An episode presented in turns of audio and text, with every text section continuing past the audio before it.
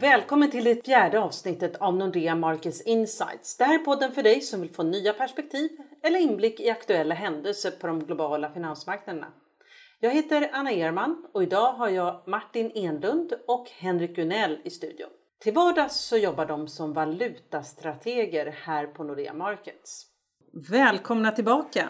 Sist vi träffades så pratade vi om lycklig depression och botoxekonomi. Jag tänkte att vi skulle fortsätta lite på samma tema den här veckan.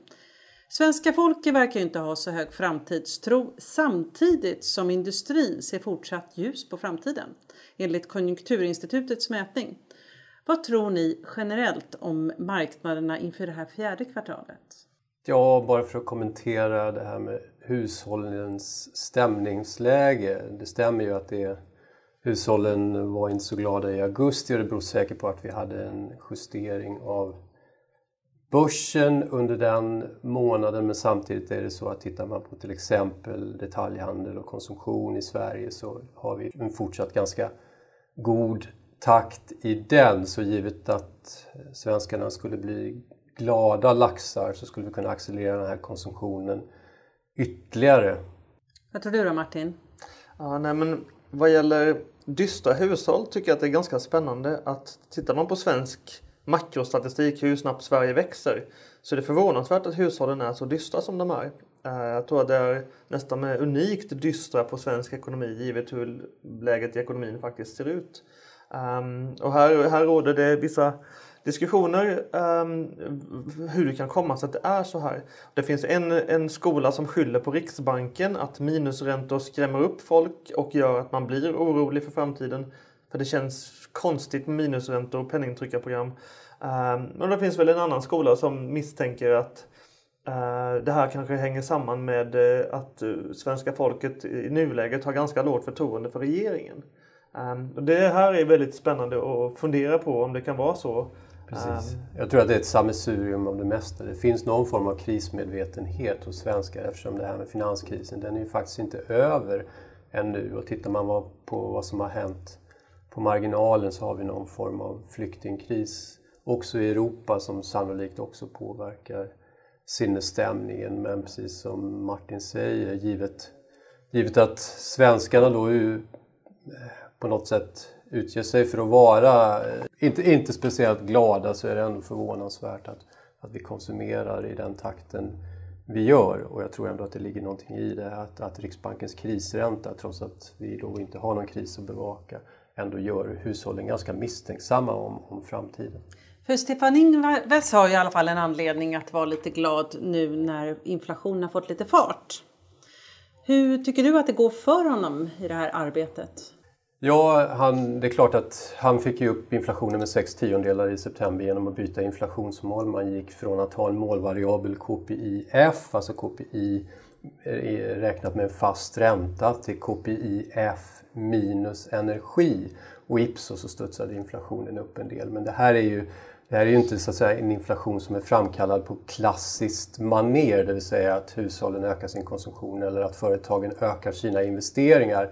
Utan det här är ju enbart en, en illusion som man har skapat genom att försvaga kronan. Mm. Såklart att man får låg inflation när du mer eller mindre kollapsar värdet på svensk krona eftersom alla importerade varor Höggradig valutadoping ja, kan man väl det. säga. Det är precis vad det är. Um, där kan man väl också fundera på hur länge den här valutadopingen håller i sig. Uh, Europa har ju lite samma situation att man kanske får lite högre inflation nu tack vare att euron har tappat så mycket i värde mot dollarn till exempel. Um, de, sen, ja, de exempel vi har sett globalt sista åren visar att ja, du kan få en valutadopad inflationssiffra. Det kan hålla i sig kanske ett år. Men eh, det är svårt att tro att inflationen ska ta fart efter det. Det är en, i alla fall marknadens farhåga efter att man har sett läget i Japan till exempel. Uh, reell valutadoping skickar upp inflationen men när någon annan faktor ska ta vid, konsumtion, arbetskostnader, lönetillväxt och sådär, då finns den inte där. Nej. Så vad kan Stefan och hans vänner på Riksbanken göra då? De kan försvaga kronan ännu mer givet att de eh, planerar att fullfölja sitt inflationsmål och upp inflationen till 2% eftersom vår, vår prognos och deras prognos är att vi kanske får en one-touch på inflationen. Eh, det är inflationsmål, alltså KPIF minus energi.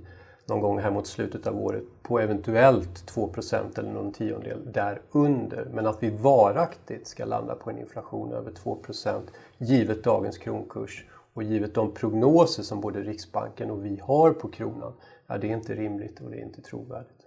Sen, ja, sen kan man lägga till bara att eh, när vi har sammanställt vad centralbankerna har sagt globalt, Norges bank, Federal Reserve, ECB, vad de här centralbankerna har sagt i, eh, i september och så jämför vi det med vad Riksbanken sa på olika områden, tillväxt, inflation, emerging markets, emerging markets risker. Då ser det ut som att Riksbanken lever på en helt annan planet. Det ja. tycker jag är lite roligt. Alla varnar för riskerna i ekonomin utom Riksbanken som säger att nej men de är nog bara tillfälliga, det kommer blåsa över. Vår tids pangloss. Mm. Men det känns ändå trevligt att det är några som har en positiv framtidssyn. När vi tittar på Norge så ser det inte lika ljust ut. De sänkte ju styrräntan från 1% till 0,75% och det sägs att det här är inte det sista steget. Hur drabbar det här Sverige? Det mest uppenbara är väl att det inte är lika roligt att sälja eh, dagligvaror i Strömstad. Nej, precis. Eh, exakt så är det. Och svenska bolag som inte har hedgat någon form av inkomstexponering, alltså inkomst i NOK.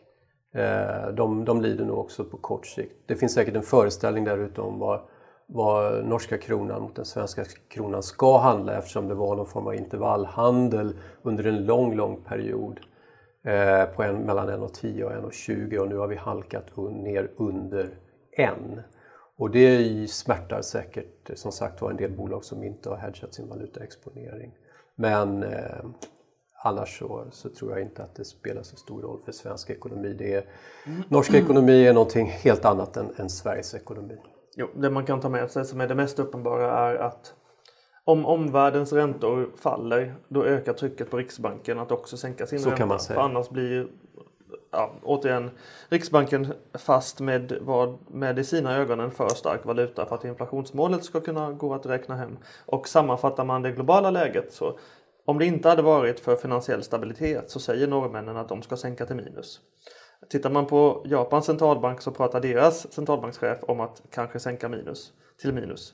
Eh, lyssnar man på Bank of Englands chefekonom Ja, han pratar också om att sänka räntan till minus. Och nu finns det en ledande akademiker i Federal Reserve som faktiskt tyckte att USAs centralbank också borde sänka till, till minus. Så man har en väldigt spännande Precis. värld här där på något sätt alla trodde att nollräntegolvet fanns. Men så visade Danmark, Schweiz och Sverige vägen och ECB förra året. Och nu verkar det som att resten av världens centralbanker ska haka på. Så det är i den här miljön som man ska se Norges bank Precis. De kan ju också bli sittande med minusräntor inom ett par år om inte oljan vänder uppåt kraftigt och snart. Och det är en Så minus är det nya normala kan man säga? Det nya svarta. Ja. NIRP som det kallas. NIRP. Fed de höjde ju inte räntan som alla hade väntat på. Så att jag tänkte vi skulle prata lite om Europeiska centralbanken istället. Har de någon makt över den globala ekonomin?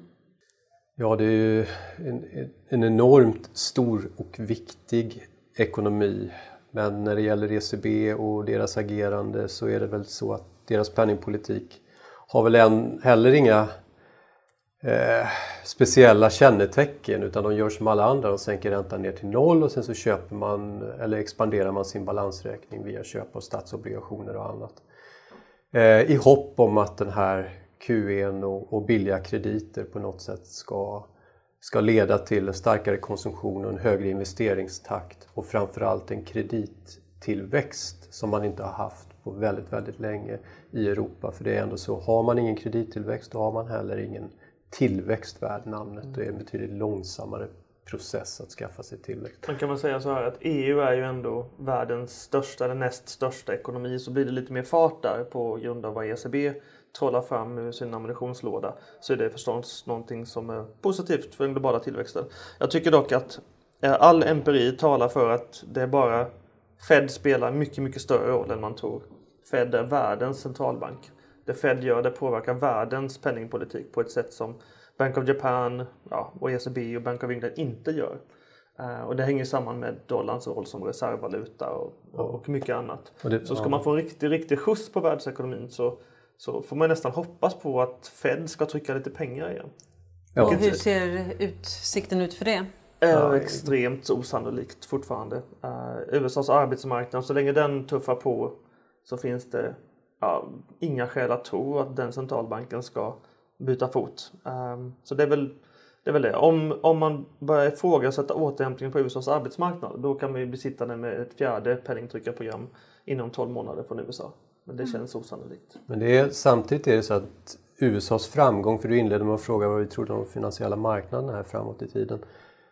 USAs framgångar leder till att dollarn stärks och varje gång dollarn stärks eller när dollarn stärks så sker det hela tiden finansiella olyckor överallt. Det innebär ju naturligtvis att vid dollarstyrka amerikanska exportbolag tjänar mindre dollar vilket leder till att, att börsen får sig en törn samtidigt som till exempel emerging markets som har lånat eh, berg av, av dollar under 6-7 års tid väldigt, väldigt billigt nu inser att de ska betala tillbaka i dollar och de har sin lokala valuta som faller i värde visavi dollarn. Och så skapar det en, ett problem med intjäning och det skapar ökad volatilitet i marknaden vilket gör att Feds utsikter för att höja räntan blir besvärligare.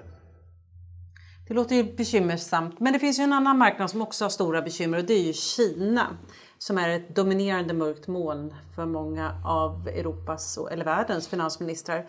Hur är status där nu? Du Martin har ju ett favorituttryck, minsk a moment. Vad innebär det? Ja, favorituttryck eller inte.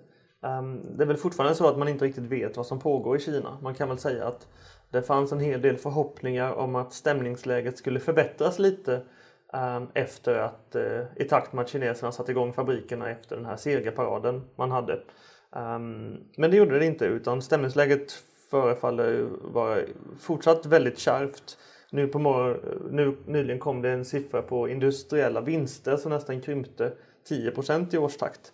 Så man har ett intjäningsproblem i Kina. Förmodligen på grund av en stark dollar eftersom de har en, en quasi-pegg på ja, sin yuan visavi dollar. Vad är en quasi-pegg? Alltså de har en valuta som egentligen är peggad mot dollarn och när dollarn stärks så eh, stärks. drabbar det kinesiska. Mm. Men ja, man kan väl säga att Kina erfar förmodligen lite samma stress som stora delar av emerging markets. Um, det har nog varit en hel del företag som har lånat pengar billigt i dollar. Eh, och det är inte så kul längre när dollarn stärks och när räntorna i USA ska stiga. Någonting som orsakar massiva kapitalutflöden har gjort sista året. Kapitalutflöden gör att penningpolitiken stramas åt i Kina trots att de kanske inte vill att den ska stramas åt. Så det är en liten, liten spaning. Ehm, den andra spaningen som är, eh, har mycket mer helikopterkaraktär som har med Kina att göra. Ehm, den handlar om demografi och produktivitetstillväxt. Ehm, länder som, som kommer från en lägre välståndsnivå brukar kunna växa ganska snabbt. Men ju högre välståndsnivå man, man har desto svårare blir det att växa. Frukten hänger inte lika lågt som man säger. Ehm, och ungefär vid de här välståndsnivåerna som Kina har haft sista åren så brukar det vara så att tillväxten bromsar in. Det är, det är allt enligt skolboken. Vad som är mer intressant är att Kina i år mycket väl kan ha en befolkning som, ja, befolkningen toppar inte men den arbetsföra befolkningen toppar. Kina är det första landet som blir gammalt innan det har blivit rikt brukar man säga. Och hur det här kommer spela ut som en ekonomisk drivkraft det kan vara underskattat. Um, om du har en stor befolkning som åldras kraftigt så att arbetsför befolkning minskar, kommer verkligen kineser behöva lika många bilar, lägenheter och pryttlar då? Eller kommer de vilja göra någonting annat när de väl har fyllt 65 än att öka sin konsumtion eh, rejält? Och här finns det en intressant parallell, jag vill inte skrämma upp någon här, men när Japan, Japans befolkning, arbetsför befolkning började krympa 1995 Ja, sen dess så har Japan inte lyckats stabilisera sin BNP. Det kan vara så att det här är en underskattad drivkraft, just demografin vad gäller strukturell efterfrågetillväxt. Men ser det inte ut så på Europas, Europa också? Jo det gör det, absolut det gör det. I delar av Europa, ta Tyskland till exempel. Där, eh, Italien. Och Italien. Eh, Tyskland är, är, i likhet med, är, är, precis som Japan ett demografiskt haveri nästintill. Eftersom, precis som Martin säger, den arbetsföra befolkningen, antalet arbetade timmar givet att man inte gör någonting, antingen ökar immigration eller får en högre andel förvärvsarbetade kvinnor etc. Mm. Där kom, då, då kommer den potentiella BNP i, i Tyskland att gå ner avsevärt eh, de närmsta åren. Så visst, det är någonting som västvärlden li, lider av, demografi i, i, i största allmänhet. Och vissa länder mer än andra. Men det tänkte jag att det kan vi prata mer om i en annan podd. Så att idag så tackar jag för att ni har varit här. Så Tack. ses vi om två veckor igen. Tack, tack. Tack. För dig som vill veta mer går det bra att besöka nordea.se markets. Där kan du få mer information och prenumerera på våra nyhetsbrev. Du kan också höra av dig direkt till mig, anna.erman.nordea.com om du har tips på vad du skulle vilja att vi tog upp i kommande poddar. Välkommen tillbaka!